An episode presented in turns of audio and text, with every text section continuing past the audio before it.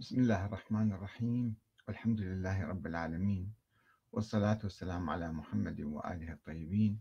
ثم السلام عليكم أيها الأخوة الكرام ورحمة الله وبركاته. حديث الدار.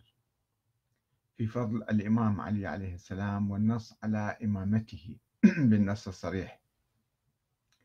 يرويه بعض أهل السنة ولا يعرفه أئمة أهل البيت ولا محدثي محدث الشيعة الأوائل. فهل هذا حديث صحيح؟ هل هو متواتر؟ هل هو مشهور؟ هل هو موضوع؟ هل هو مختلق؟ نحاول أن نقرأ الحديث ثم نعلق عليه. أول من روى هذا الحديث هو محمد بن إسحاق. محمد بن إسحاق صاحب السيرة النبوية آه، اللي بعد ذلك يعني لخصها ابن هشام فعرفت بسيرة ابن هشام. رواه عن عبد الغفار بن القاسم عن المنهال بن عمرو عن عبد الله بن الحارث بن نوفل بن الحارث بن عبد المطلب عن عبد الله بن عباس عن علي بن أبي طالب. قال لما نزلت هذه الآية على رسول الله صلى الله عليه وآله وأنذر عشيرتك الأقربين. دعاني رسول الله صلى الله عليه وآله فقال يا علي إن الله يأمرني أن أن, أن أنذر عشيرتي الأقربين.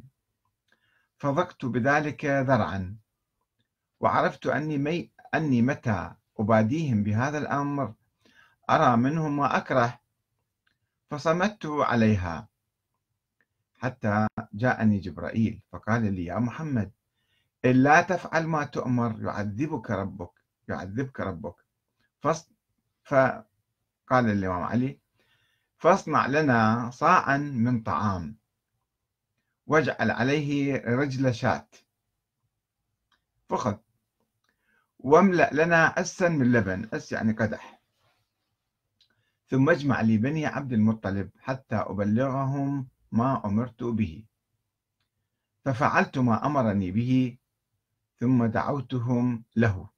دعوت راح هو الإمام علي راح دعا العشيرة النبي. وهم يومئذ أربعون رجلا يزيدون رجلا أو ينقصونه. فيهم أعمامه أبو طالب وحمزة والعباس وأبو لهب. فلما اجتمعوا إليه دعاني بالطعام الذي صنعته فجئته فجئتهم به. فلما وضعته تناول رسول الله صلى الله عليه وآله جذبة من لحمة فشقها بأسنانه ثم ألقاها في نواحي الصفحة. ثم قال خذوا بسم الله. فأكل القوم حتى ما لهم بشيء حاجة. شبعوا تماما يعني. وأيم الله أن كان الرجل الواحد منهم ليأكل مثل ما قدمت لجميعهم. أربعين واحد. ثم قال اسق القوم. فجئتهم بذلك الأس فشربوا حتى رووا جميعا. وأيم الله أن كان الرجل الواحد منهم ليشرب مثلها. طاسة صغيرة يبدو عليها. وكل واحد يشرب طاسة بس كفتهم أربعين واحد. فلما أراد رسول الله أن يكلمهم بدره أبو لهب فقال سحركم صاحبكم؟ شلون هذا؟ فخذ واحد مال طعام شخص واحد وأربعين رجال أكلوا من عنده. فتفرق القوم ولم يكلمهم رسول الله صلى الله عليه وآله. فقال في الغد يا علي إن هذا الرجل قد سبقني إلى ما سمعت من القول.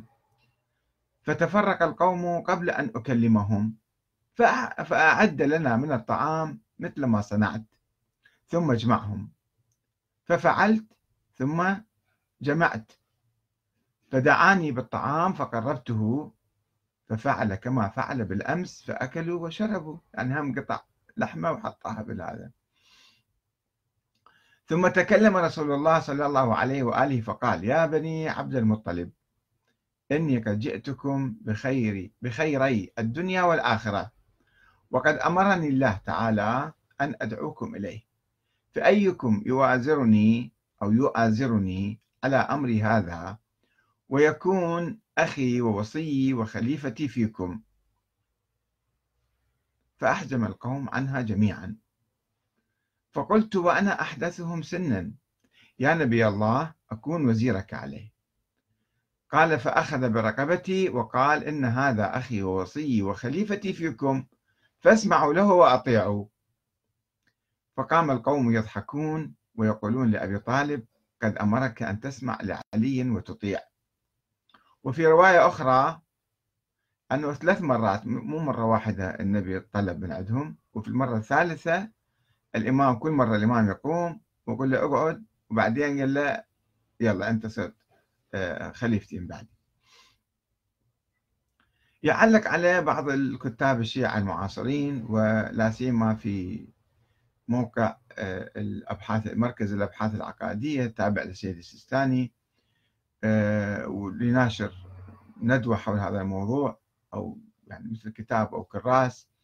وبعض يعني شوفوا تعليق عليه ماذا يقول وهذا بقلم أو بخطاب السيد علي الميلاني يقول إن الحديث حديث متفق عليه بين الطرفين يعني بين السنة والشيعة. مقطوع الصدور ما في شك يعني. وقد يمكن دعوى قد يمكن ما متأكد تماما هو. وقد يمكن دعوى أن هذا الخبر قد بلغ إلى حد الدراية ولا يحتاج إلى رواية بعد ما يحتاج سند هذا معروف. ورواه كبار علماء القوم في كتبهم ونصوا على صحته. كما ذكرت كما ذكرت لكم بعض الكلمات في محاضرته يجيب أقوال العلماء السنة. ويعلق فيقول أنا على يقين بأن الباحث الحر المنصف يكفيه هذا الحديث للاعتقاد بإمامة علي بعد رسول الله. وفي مكان آخر مركز الأبحاث العقائدية أيضا يعلق على هذا الحديث فيقول هذا الحديث حديث الدار مقطوع بصحته عند الشيعة ونصوا على شهرته بل تواتره. يعني بعضهم قالوا مشهور وبعض قالوا لا هذا متواتر مو مشهور أكثر من مشهور يعني.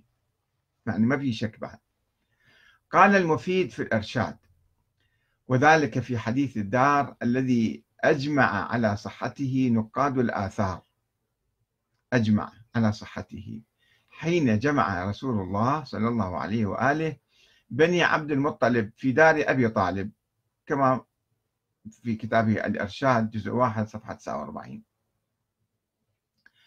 وقال أيضا العلام الحلي أو الطبرسي قبله واشتهرت القصة عند الخاص والعام في كتاب مجمع البيان جزء 7 صفحة 355 وقال العلام الحلي اللي بعده وهو النص الجلي من رسول الله. مو نص خفي نص واضح وصريح وجلي. آه، من رسول الله في مواضع تواترت بها الإمامية ونقلها غيرهم نقلا شائعا ذائعا. منها آه، لما نزل قوله تعالى وأنذر عشيرتك الأقربين فيجيب الخبر في كشف المراد صفحة 497 وقال أيضا العلام الحلي ما نقله الناس كافة أنه لما نزل قوله تعالى وأنذر عشيرتك الأقربين جمع رسول الله صلى الله عليه وآله إلى آخره يجيب الحديث نفسه في كتاب منهاج الكرامة صفحة 147 وأيضا السيد عبد الحسين شرف الدين في المراجعات يقول وأما استدلالنا به يعني بحديث الدار على الإمامة فيما بيننا فإنما هو لتواتره من طريقنا من طريق الشيعة كما لا يخفى كتاب المراجعات. آه، يعني في صفحة 194 وقال الشيخ الطوسي في التبيان قبل كل هؤلاء يعني مع الشيخ المفيد بعد الشيخ الطوسي في القرن الخامس الهجري في كتابه التبيان في تفسير القرآن. والقصة بذلك مشهورة حديث الدار. فإنه روي أنه أمر صلى الله عليه وآله عليا بأن يصنع طعاما ثم دعا عليه بني عبد مناف وأطعمهم الطعام ثم قال لهم أيكم يؤازرني على هذا الأمر؟ يكن وزيري وأخي ووصيي. فلم يجبه أحد إلا علي عليه السلام. والقصة في ذلك معروفة.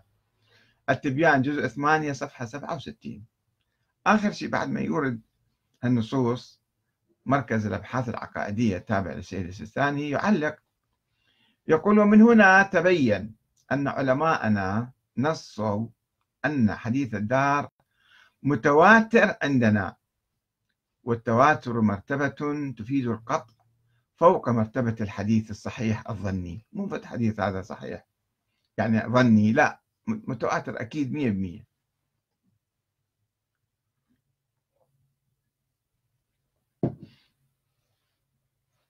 في الحقيقة قبل ما أعلق على الحديث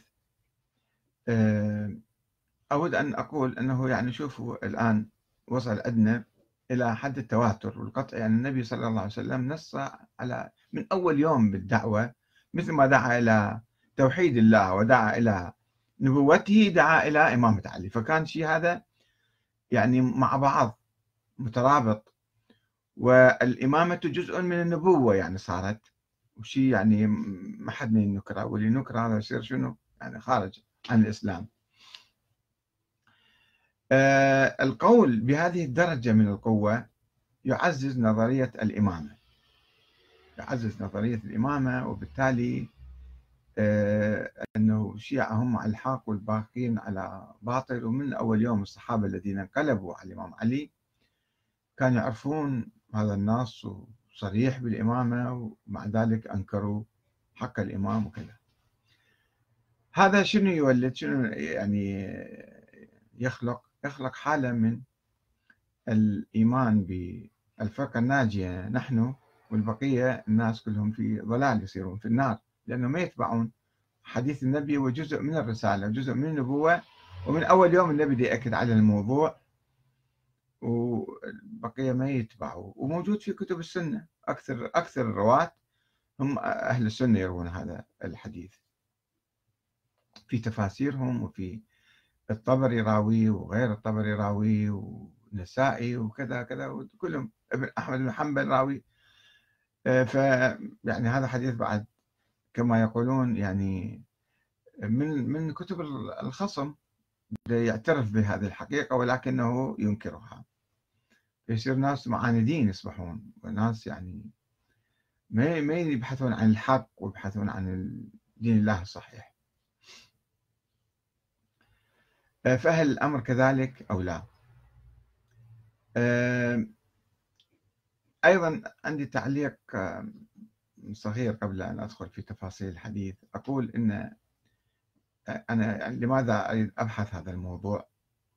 أنا رضعت حب علي بن أبي طالب مع حليب والدتي وأحب الإمام علي وأؤمن به وبمنهجه وبسيرته وبأخلاقه وبقيمه ومبادئه كما لا أؤمن برجل بعد رسول الله. صراحة أقول لكم. يعني الإمام علي شخص آخر. بعد رسول الله هو يأتي الإمام علي في نظري. هسه تقولون هذا شيعي متطرف شيعي مغالي ما أدري كيفكم بعد. هذا عقيدتي بالإمام علي عليه السلام. وأنا أعتقد أن ما يفيدنا اليوم وما يهمنا اليوم ليس فقط أنه نثبت أن الإمام علي كان وصي رسول الله وكان خليفته وكان منصوص عليه وكان معصوم ولا ما كان معصوم هذا ما يهمني كثيرا. يهمني أنه سيرته سيرته ومنهجه وخطه في الحياة. ومواقفه التي أحاول أن أقتدي به به وبها بهذه المواقف في حياتي اليومية. وأعتقد أن الشيعي الحقيقي الذي يوالي الإمام علي ليس من يعتقد بأنه كان منصوص عليه وما كان منصوص عليه وأن هذا حديث صحيح ولا حديث مو صحيح. إنما الذي ينتهج خط الإمام علي ويتخذ مواقف الإمام علي. هذا هو الذي يتبع الإمام علي. وإلا قبل 1400 سنة يعني ماذا يهمنا اليوم؟ أنه قلنا الإمام علي آه، منصوص عليه بالنص الصريح الجلي كما يقول البعض أو لا بالإشارات إلى فضله. هذا ما يقدم ويأخر حول شخصية الإمام. المهم أن نسير على خط الإمام علي. هاي النقطة أيضا خلي تتضح آه، جليا وبصورة أكيدة يعني. فعندما أجي أريد أنقذ هذا الحديث وأقول أنه صحيح أو مو صحيح ليس بدافع التنقيص من حق الإمام علي عليه السلام وليس بدافع إنكار فضائل الإمام علي. وأنا لو الحديث صحيح أو القرآن يثبت أن الإمام علي كان نبي مثلا عندي مانع أن أؤمن بنبوته ما عندي مانع. أنا آخذ القرآن الكريم وآخذ أحاديث الرسول وما يقول الرسول ما يتأكد ويثبت عندي آخذ به ما عندي أداء ولا ولا مصلحة في نفي أي حديث في فضل الإمام علي. ولكن الكلام هو هل هذا الحديث صحيح أم مو صحيح مختلف. وكيف أعرف وكيف تعرفون أنتم عندما تناقشون أو تقرؤون أي حديث مشابه لهذا؟ كيف تنظرون إليه؟ وماذا يعني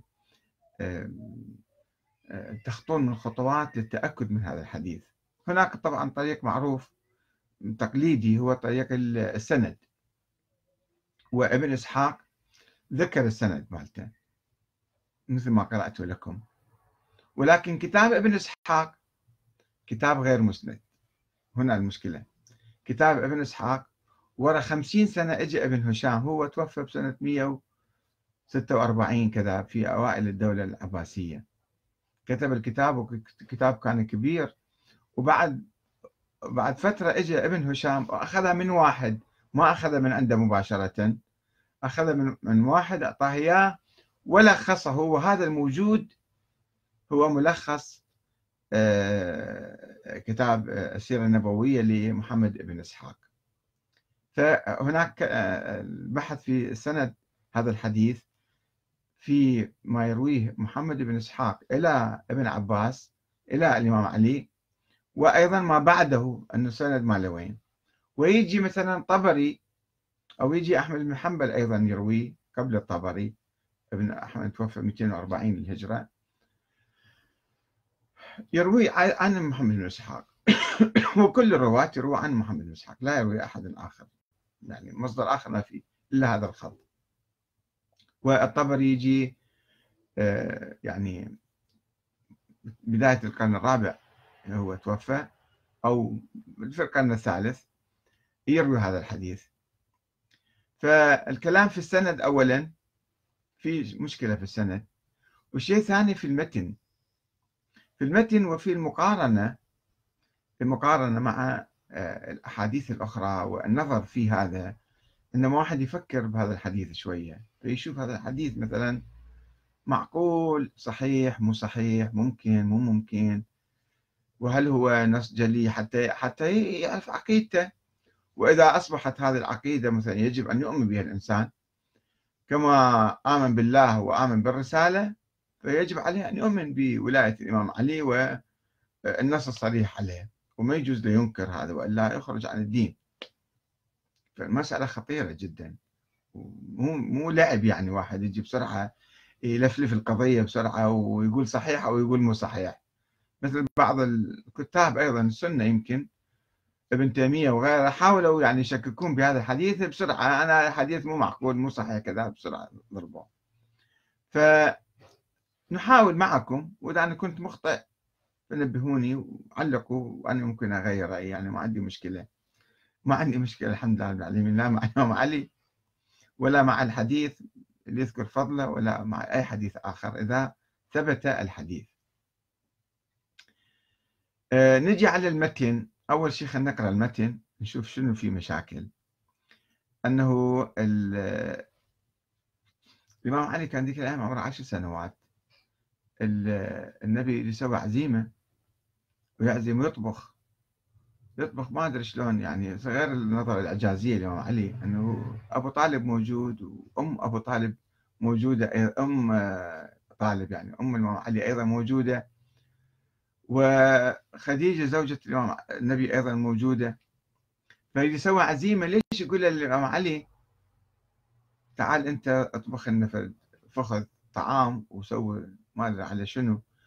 يعني فخذ واحدة ويا الخبز ويا التمن ويا شنو ما أدري شنو بعد تفاصيله ويا لبن آه ليش يقول له الإمام علي؟ بابا طفل عمره عشر سنوات تعال أنت اطبخ لنا. يقول لمرته خديجة كانت تطبخ أو كذا أو أم الإمام علي أو أي واحد آخر. فشنو القصة؟ من منها راح يبدأ يسائل يعني فعلا شيء عجيب هذا وشيء غريب. غريب ما ما كان يحدث ولا ولم يحدث مرة أخرى. بعدين الحديث يقول إن الله يأمرني أن أنذر عشيرتك الأقربين فضقت بذلك ذرعا. وعرفت أني متى أباديهم بهذا الأمر أرى منهم ما أكره فصمت عليها. ما طبقت أمر الله. الله يقول لي أنت تعال بلغ عشيرتك وأنذر عشيرتك الأقربين وأنا ما درت بال كلام الله وللوحي. حتى جاءني جبرائيل فقال لي يا محمد لا تفعل ما تؤمر يعذبك ربك. اجى جبرائيل هدد للنبي. معقول النبي يعني هو بداية الدعوة يتلقى الوحي؟ يخاف ويخجل ويستحي وما أدري شنو. هذا كلام مو من سيرة النبي. يعني هذا الشيء مو معقول هذا رقم اثنين. أنه طبعا هذا الإنذار يا أي رسول بلغ ما أنزل إليك من ربك وإن لم تفعل فما بلغت رسالة. هذا يجيبوه في آخر رسالة في حديث الغدير يركبوه الموضوع أيضا. أنا مو من أول يوم قال له واستحى وخاف وما راد يقول وكذا. لا هذا يجيبوه من حديث الغدير أنه اللي مروي في بعض الروايات أنه قال له وإن لم تفعل فما بلغت رسالته فلا يبدو أول من أول يوم هو كان أيضا يخاف النبي. ويعني يعمل رأيه يعمل رأيه في مقابل كلام الله. الله يقول له بصراحة وأنذر عشيرتك الأقربين وهو قاعد يعني يقول يا الله مثلا معقول النبي بهالصورة يتلقى الوحي من الله تعالى؟ فهذا ما يضعف الحديث. يعني كلام مو صحيح. فصمت عليها حتى جاءني جبرائيل. طيب قال له فاصنع لنا طعاما آه، صاعا من طعام. صاع يعني رز يمكن هذا أو قمح أو أي شيء كان صاع. شيء ما صحن واحد يعني. شخص واحد كان ياكل. آه، واجعل عليه رجل شاة. واملأ لنا عسلا من لبن ثم اجمع لي بين عبد المطلب. فجمعهم. وكانوا أربعين رجل أكلوا من هذا الفخذ ومن هذا الصاع ومن هذا عسل اللبن. ف فلما اجتمعوا فبسرعة شنو قبل ما النبي يتكلم خربت الشغلة. قام أبو أبو لهب وقال سحركم صاحبكم. والنبي بعد ما بلغهم؟ النبي بعد أول مرة يبلغهم وأنذر عشيرتك الأقربين. أي فبداية الدعوة النبي سوى عمل سحري. يعني يشبه السحر. سوف عمل في الشيء اللي يخلي الناس كلهم يشكون به أنه هذا إنسان ساحر. أول كلام بعد ما متكلم ذبوا عليه التهمه وأي واحد طبعا يشوف القصة هذه بعد ما يعرف النبي محمد بعد ما لا متأكد ولا عارف ولا ولا واحد من دولة لا أبو طالب ولا العباس ولا حمزة ولا أبو لهب. يعرفوا ذا أقرباء النبي المقربين يسوي لهم في الشغله السحرية يخربط الثقة مالته تروح. بعد كل ما يتحدد يقول هذا ساحر. سوى لهم في قضية سحرية. وشنو الداعي إلى ذلك؟ شنو الداعي إلى ذلك؟ كان يعزمهم بدون أكل. كما في رواية أخرى انه لما نزلت هاي الآية وأنذر عشيرتك الأقربين النبي جمع عشيرته صاح بمكة وإجوا عشيرته اجتمعوا وقالوا إذا أنا أخبركم ورا هذا الجبل جيش عدو جاي يقاتلكم شو تسوون؟ صدقوني لو ما صدقوني؟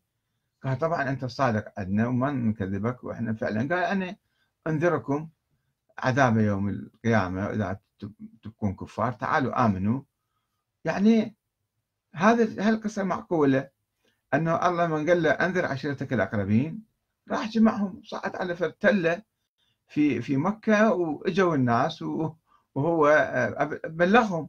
وخلص لا يحتاج يسوي لهم عزيمة ولا يسحرهم بهالطريقة ولا يضحكون عليه. فقاموا ضحكوا عليه.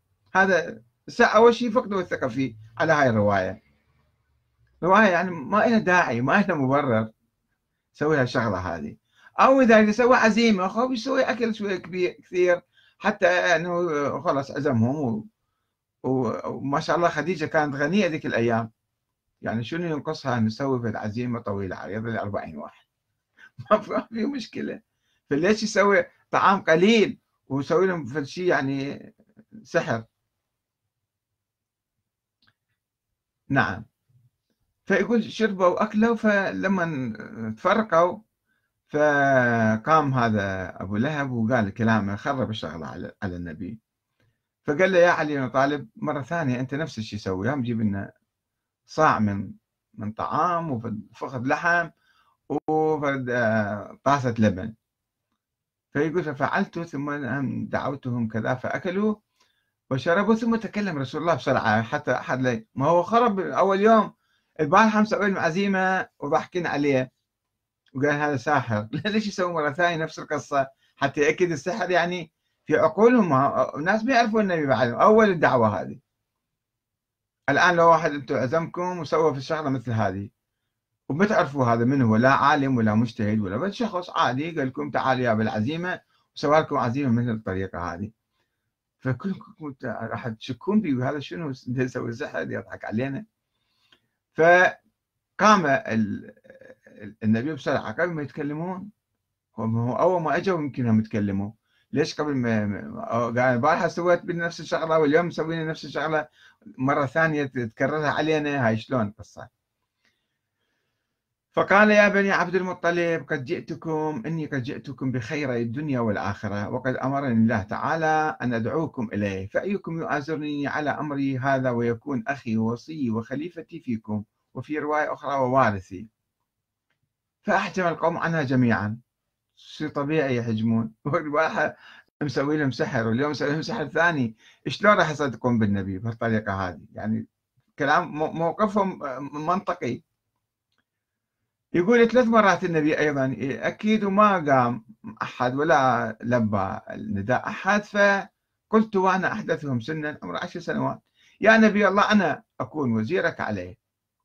قال فأخذ برقبتي وقال إن هذا أخي ووصي وخليفتي فيكم فاسمعوا له وأطيعوا. هسه بعدهم صار مسلمين مو مؤمنين بالنبي محمد. يقول لهم يا شنو؟ هذا عين خليفة عليهم. مو منطقي الكلام. شلون شلون النبي يعني يعين واحد طفل أو حتى رجل كبير نفترض. يتحدث عن مسألة الخلافة والوصية والكذا وهو بعد هم بعدهم كلهم ما مؤمنين بالنبي ولا مؤمنين بالإسلام. أول الكلام. وأنذر عشيرتك الأقربين. معقول أي واحد عاقل يسوي الشغلة هذه؟ مو معقول الكلام. يعني الواحد شوي يفكر بعقله الكلام هذا الشيء يعني يمشي لو ما يمشي. فقام القوم يضحكون ويقولون لأبي طالب قد أمرك أن تسمع لعلي وتطيع. هاي بعد أطقع طلعت السالفة. قاموا يضحكون على أبو طالب المرة أنه أنت شوف هذا محمد يأمرك أن تسمع لابنك. وين الكلام هذا؟ معقول الكلام هذا؟ شوي واحد يفكر بعقله. يعني القصة هذه قصة حقيقية ولا قصة أسطورية؟ بس ما علينا بالسند. ما علينا بالسند. نبحث عن القصة المضمون المتن شوية واحد يفكر فيه. مو بس السند حجة. افترض السند إلى من؟ ابن إسحاق إلى كذا كان صحيح. بس هذا ما يمشي يعني. مو فقط إحنا ناخذ السند ناخذ المتن ونفكر فيه. نشوف هذا كلام معقول ولا كلام كله أساطير كله أشياء عجيبة غريبة. لم تحدث في حياة النبي كلها يعني. فجماعة يعلقون على الحديث أنه هذا متفق عليه بين الطرفين. منين الطرفين. خلينا نشوف هذا شوف التدليس يصير دائما. تدليس ولفلفة يعني الأمور.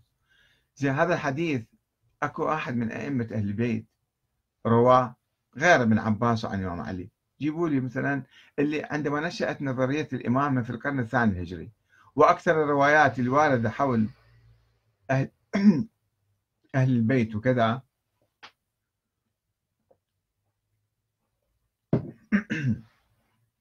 حول الإمامة والنص النص الصريح وحول التحدث الملائكة مع الأئمة. واردة عن الإمام باكر بصراحة. وشوف الكافي. الكافي الإمام الصادق والإمام باكر والصادق. ما في أي حديث عن الموضوع.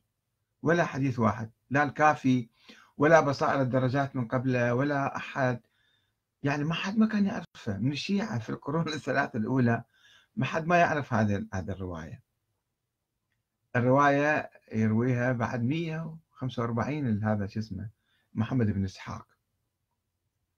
آه، كان معاصر للإمام الباقر مثلا كان الإمام باقر روى الرواية ليش محمد بن إسحاق يرويها؟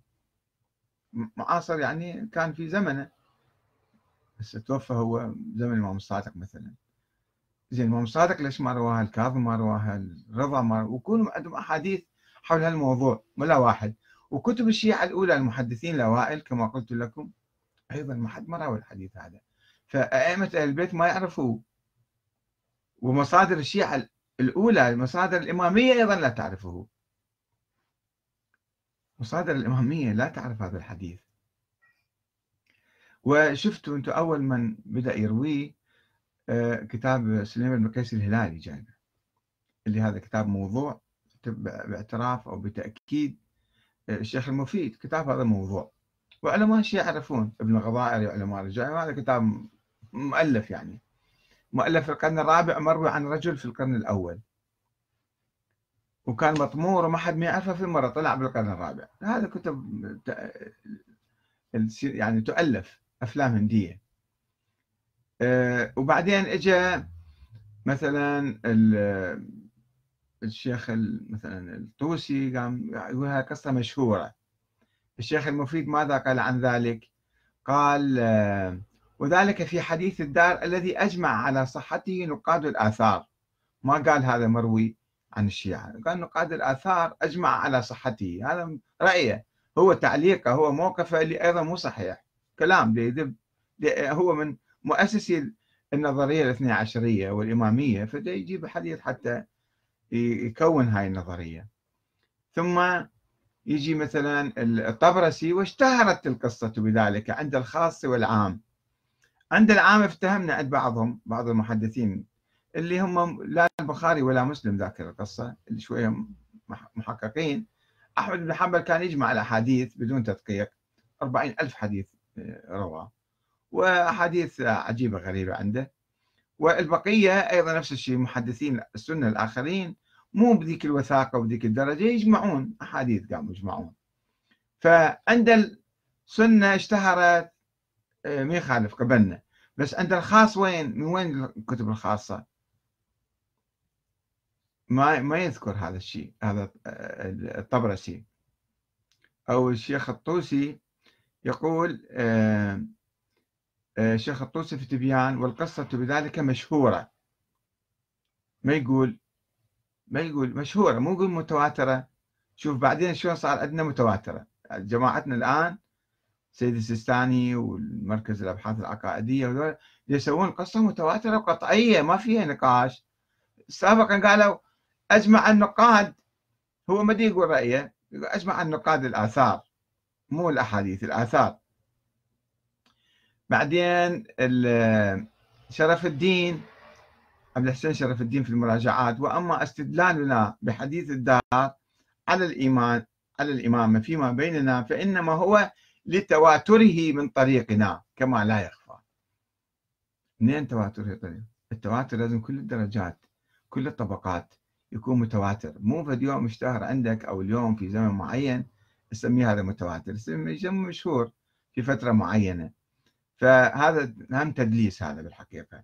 يعني يقول لك متواتر وما بطريقنا أصلا ما مروي ما مروي من طريقنا مقطوع أصلا ما حد ما يعرفه.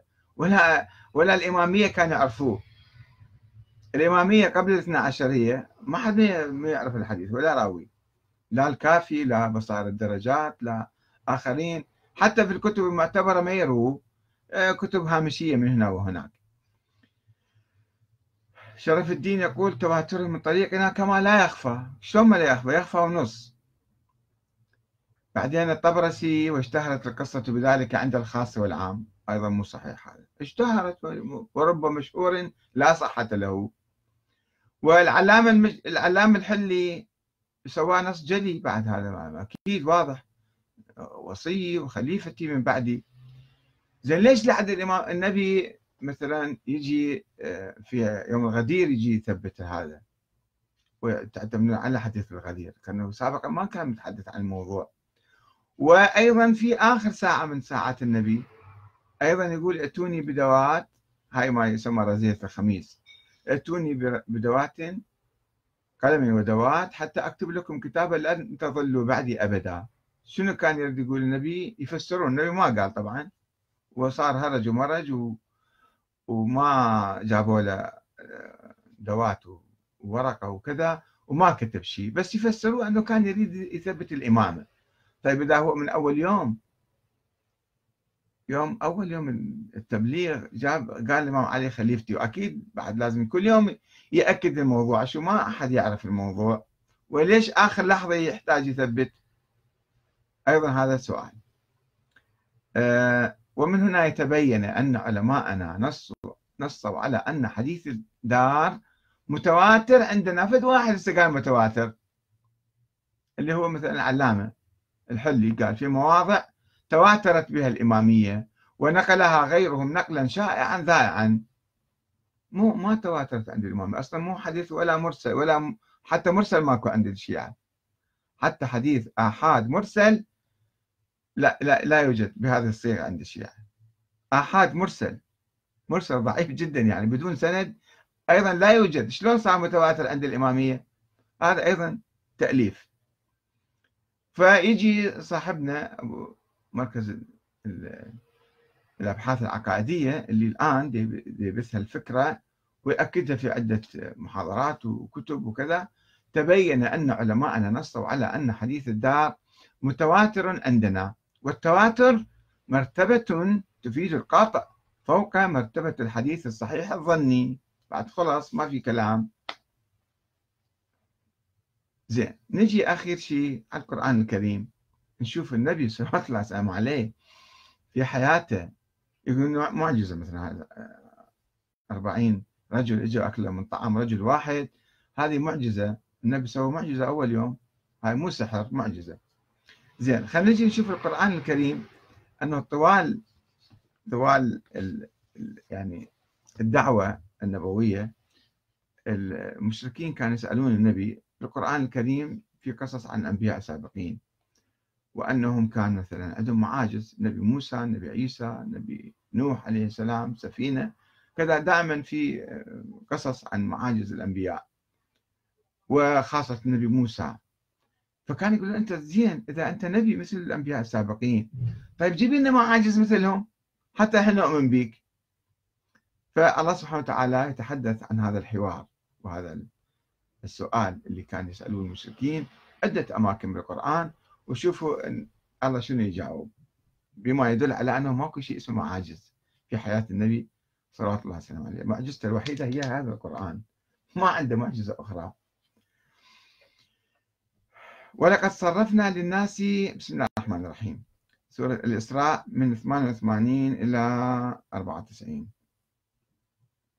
ولقد صرفنا للناس في هذا القرآن من كل مثل. فأبى أكثر الناس إلا كفورا. الناس ما يقبلون. شو نسوي لهم بعدين؟ وقالوا لن نؤمن لك حتى تفجر لنا من الأرض ينبوعا أو ينبوعا. إحنا بمكة ما عندنا ماي جيب لنا فد نبع على الأقل خلينا نشرب ماي. مثل ما افترض هذا الأكل البسيط صار أكل 40 رجال. خلي احفرنا فد بير. بير احفر بير. صعب كان على النبي يحفر لهم بير حتى يؤمنون به مع ذلك النبي ما سوى الشغلة هاي. أو تكون لك جنة من نخيل وعنب. عندك بستان إحنا أرض قاحله هنا. سوي لك بستان حلوة شكي نجي نقعد يمك ونسهر وياك ونؤمن بنبوتك شو أسئلة يعني على قد عقلهم؟ أو تكون لك جنة من نخيل وعنب فتفجر الأنهار خلالها تفجيرها. ليش إحنا قاعدين بارض صحراوية قاحلة؟ أو تسقط السماء كما زعمت علينا كسفا. توقع علينا السقف مال السماء يعني. أو تأتي بالله والملائكة قبيلة خلي يجي الله قدامنا يقول هذا نبي. هذا المشركين كانوا هكا يقولون. والملائكة قبيلة. أو يكون لك بيت من زخرف البيت حلو مش قاعد بكوخ كوخ من طينية وكذا فالبيت حلو مذهب ومزخرف ولطيف. حتى إحنا نعجب. شلون الآن مراقد مثل الائمه واحد مثل واحد إنسان بسيط بدوي أو قروي أو كذا. يدخل يشوف الآلة وال...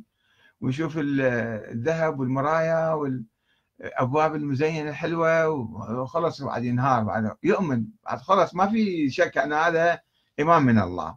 إلا أنت يا يا رسول الله يا محمد تدعي أسوي لك في قصر من القصور وحتى نقعد إحنا ننبهر ونؤمن بك عقولهم هكذا.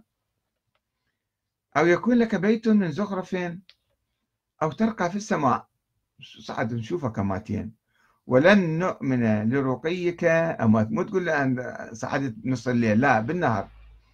أو يكون لك بي... لرقيك ولن نؤمن لرقيك حتى تنزل علينا كتابا نقرأه. جايب من السماء كتاب بإيدك حتى نصدق أن أنت نبي من الله. فالله شو يجاوبهم؟ يقول النبي محمد صلى الله عليه وسلم قل سبحان الله. قل سبحان ربي. هل كنت إلا بشرا رسولا؟ أنا إنسان بشر ما دا أسوي لكم معاجز أنا رسول من الله الله أوحى إلي وقال بلغ الناس ودا أبلغكم تؤمنون؟ تؤمنون ما تؤمنون كيفكم بعد؟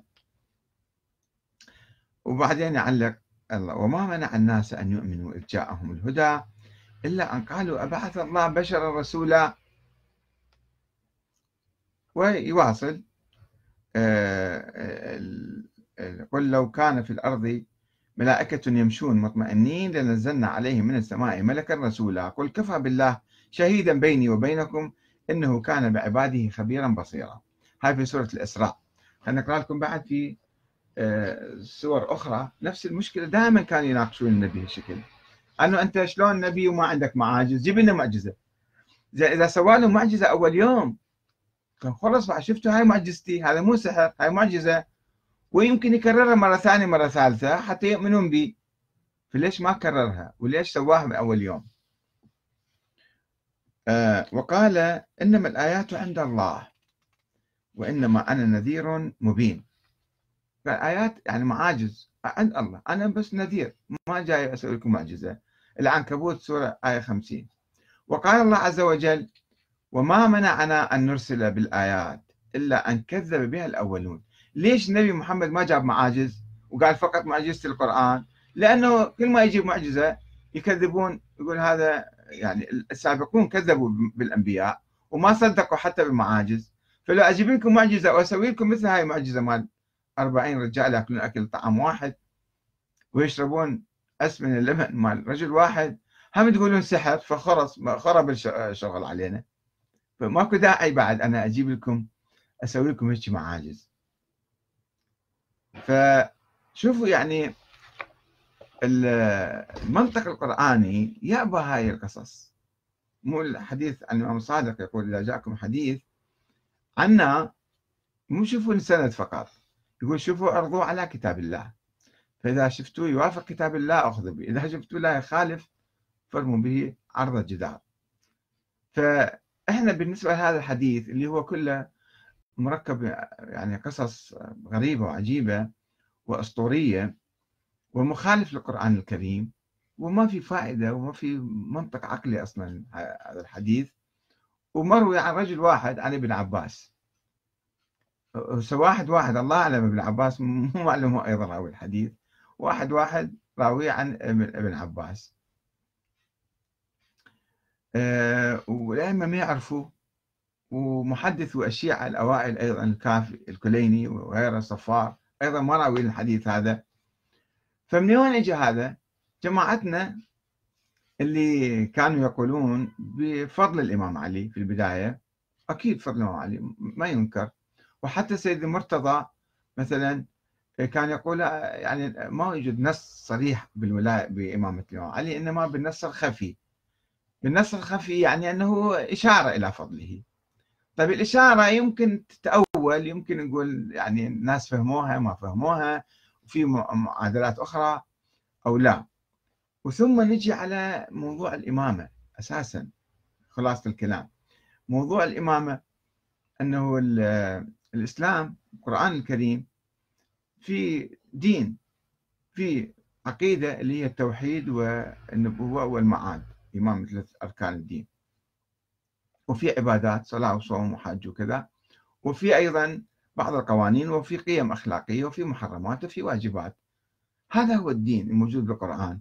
ما يتحدث الله سبحانه وتعالى في القرآن عن موضوع الحكم والخلافة والزعامة كيف والمسألة مو متعلقة بالإمام علي فقط. لو إذا ثبتنا حسب ما يقول الإمامية ثبتنا الإمامة بالنص على الإمام علي ثم بعد ذلك كيف؟ نشوف هو الإمام علي ما كان يفهم ولا كان يقول أنه أنا منصوص علي من الله.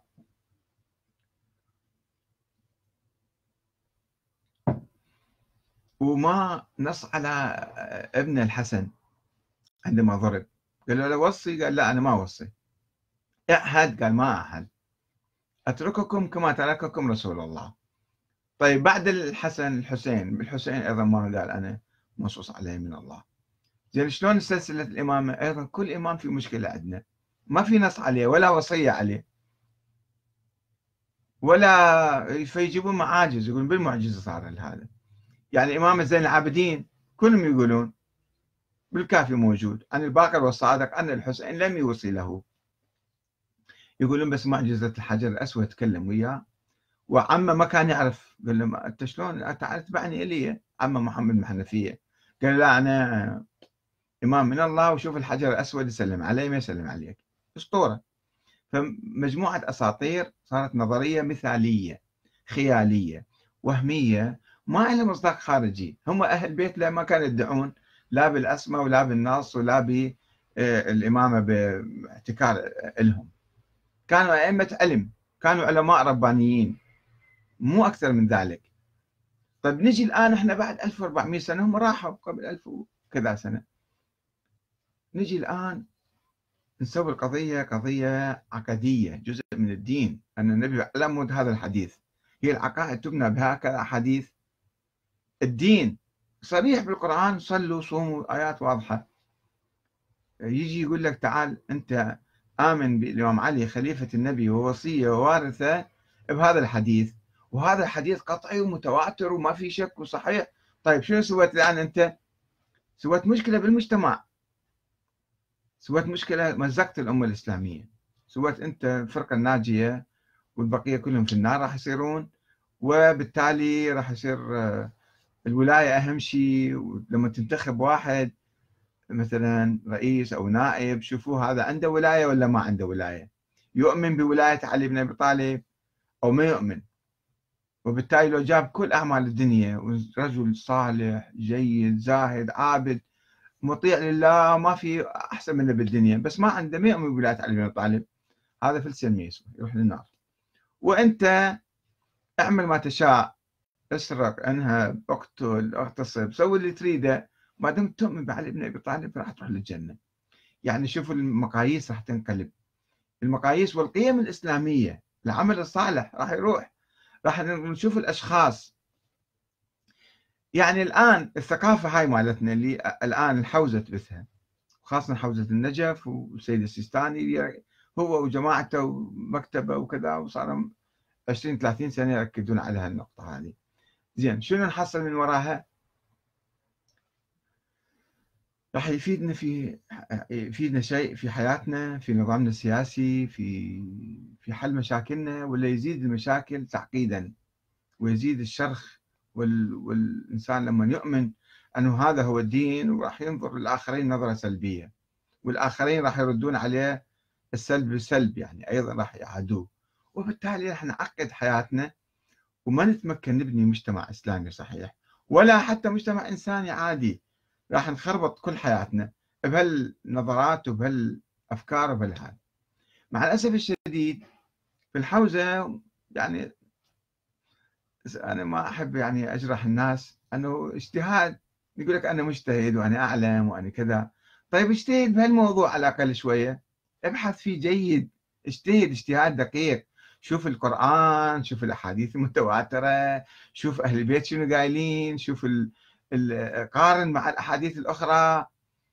حتى يسموك مجتهد. مو تجي تلقى محاضرة تلفلف الأمور وتسوي لك عقدة بالمجتمع وتخرب حياة الناس. فحتى يكون واحد مجتهد يكون لازم يدقق في المسائل. يجتهد فيها. مع الأسف بالحوزة بصراحة صدقوني ما يجتهدون في الأمور. هذه بس يكيفون عليها. تونسون جدا. عندما يقول لك والله هذا الحديث صار السنة اعترفوا به بعد شو تريد أنت؟ ما دام السنة اعترفوا به يا سنة يا يا محدثين مثلا من أهل السنة. إيش قد؟ صحة الحديث. دقق الأمور. من محمد بن إسحاق؟ وين كتابه؟ منو رواه كتابه؟ شلون؟ يعني ما يصير نسوي عقيدة باللفلفة وبال يعني تأليف. فبالحوزة ماكو اجتهاد. صراحة ماكو اجتهاد. ما أعرف واحد مجتهد إذا أنت بعقيدتك ما مجتهد. شلون تجتهد بالفقه؟ والفقه أيضا ما مجتهد فيه. الفقه ما تملفلفة تلفي. copy and paste مثل ما يقولون. وما في شيء جديد. ما عندك شيء جديد. مثل ما روى الآخرون السابقون حسب المشهور. نسخة طبق الأصل عن الرسائل العملية السابقة فما يصير هذا؟ الحوزة ما أدري شو يدرسون. شو يدرسون؟ شو يقرون؟ شو يكتبون؟ بعدين يقول لك إحنا قادة المجتمع وإحنا قادة الطائفة وإحنا قادة الفلان. زين أنتم إيش تسوون؟ هاي فكركم وين يمشي؟ وين ينصب؟ أنتم قاعد تسببون لنا مشاكل، تسببون لنا عقد في المجتمع. وتسيئون إلى أهل البيت، وبالنتيجة أين أنتم من علي بن أبي طالب؟ شخص طيب النبي وصى له طيب اعملوا بسيرته على الأقل. اعملوا بخطة اتخذوا ناصروا كن كون على الظالم خصما والمظلوم عونا شو أنتم مسكرين عيونكم وأذانكم وأفواهكم؟ ما تشوفون ولا تتكلمون ولا تسمعون. ما يجري في الدنيا حواليكم. من مآسي ومجازر واحتلالات. أمريكا تجي يوميا تحتل العراق والآن محتلة سوريا. ومحتله باليمن ومحتله بكل مكان وحروب وأنتم أصلا ما تديرون بالك هذا مو مو اختصاصكم. ما تدخلون في السياسة. إحنا ما نتدخل بالسياسة إي شلون صاير مرجع أنت؟ شلون صاير فقيه وزعيم وقائد وكذا؟ وأنت ما تعرف ثقافة علي بن أبي طالب ولا ثقافة الحسين. تروحون الزيارة. إي يوميا رايحين زياره تمشون امشوا. نعم. زين شنو الحسين؟ شنو هو الحسين؟ من هو الحسين؟ شنو نستفيد من عنده؟ غير نمشي على طريقة وعلى آه، خطة ونتخذ مواقف ضد الظالمين. أشو أنتم حاطين الظالمين على صفحة إذا ما تتعاونون معاهم؟ والله أعلم. ورايحين تصافحون السفاحين والمجرمين وتنسقون معاهم وتخططون معاهم تقولون إحنا شيعة. يا شيعة يا وينكم أنتم من علي بن أبي طالب؟ وتأكدون على هالقضايا الخرافية والأسطورية ومسويها دين. والمؤمن بها هذا صار ضال مضل وصار كافر بالدين. فبالحقيقة يجب أن نعيد النظر. إذا هم المشايخ مستفيدين من وضعهم ومن هالكلام هذا الخرافي والأسطوري وخلي الناس المثقفين عامة الناس. ما يجوز يقلدون المراجع بهالمسائل ذني. لازم كل واحد يجتهد كل واحد يفكر ينظر يف... ما يعني يمشي وراء الآخرين. هم مقلدين. وهم إذا مو مقلدين مدلسين. مدلسين يضحكون علينا بهذه الثقافة الطائفية السلبية التي تدمر المجتمع ومجتمعنا بالعراق خصوصا. اللي نحتاج نوحد القلوب ونوحد الصفوف وحتى نستقل وحتى نبني نظام ديمقراطي عادل ونحل مشاكلنا. هذا تعليقي على هذا الحديث. وإذا أنا كنت مخطئ فأرجو أن تصححوا كلامي. وتعلقوا على ما أقول. والسلام عليكم ورحمة الله وبركاته.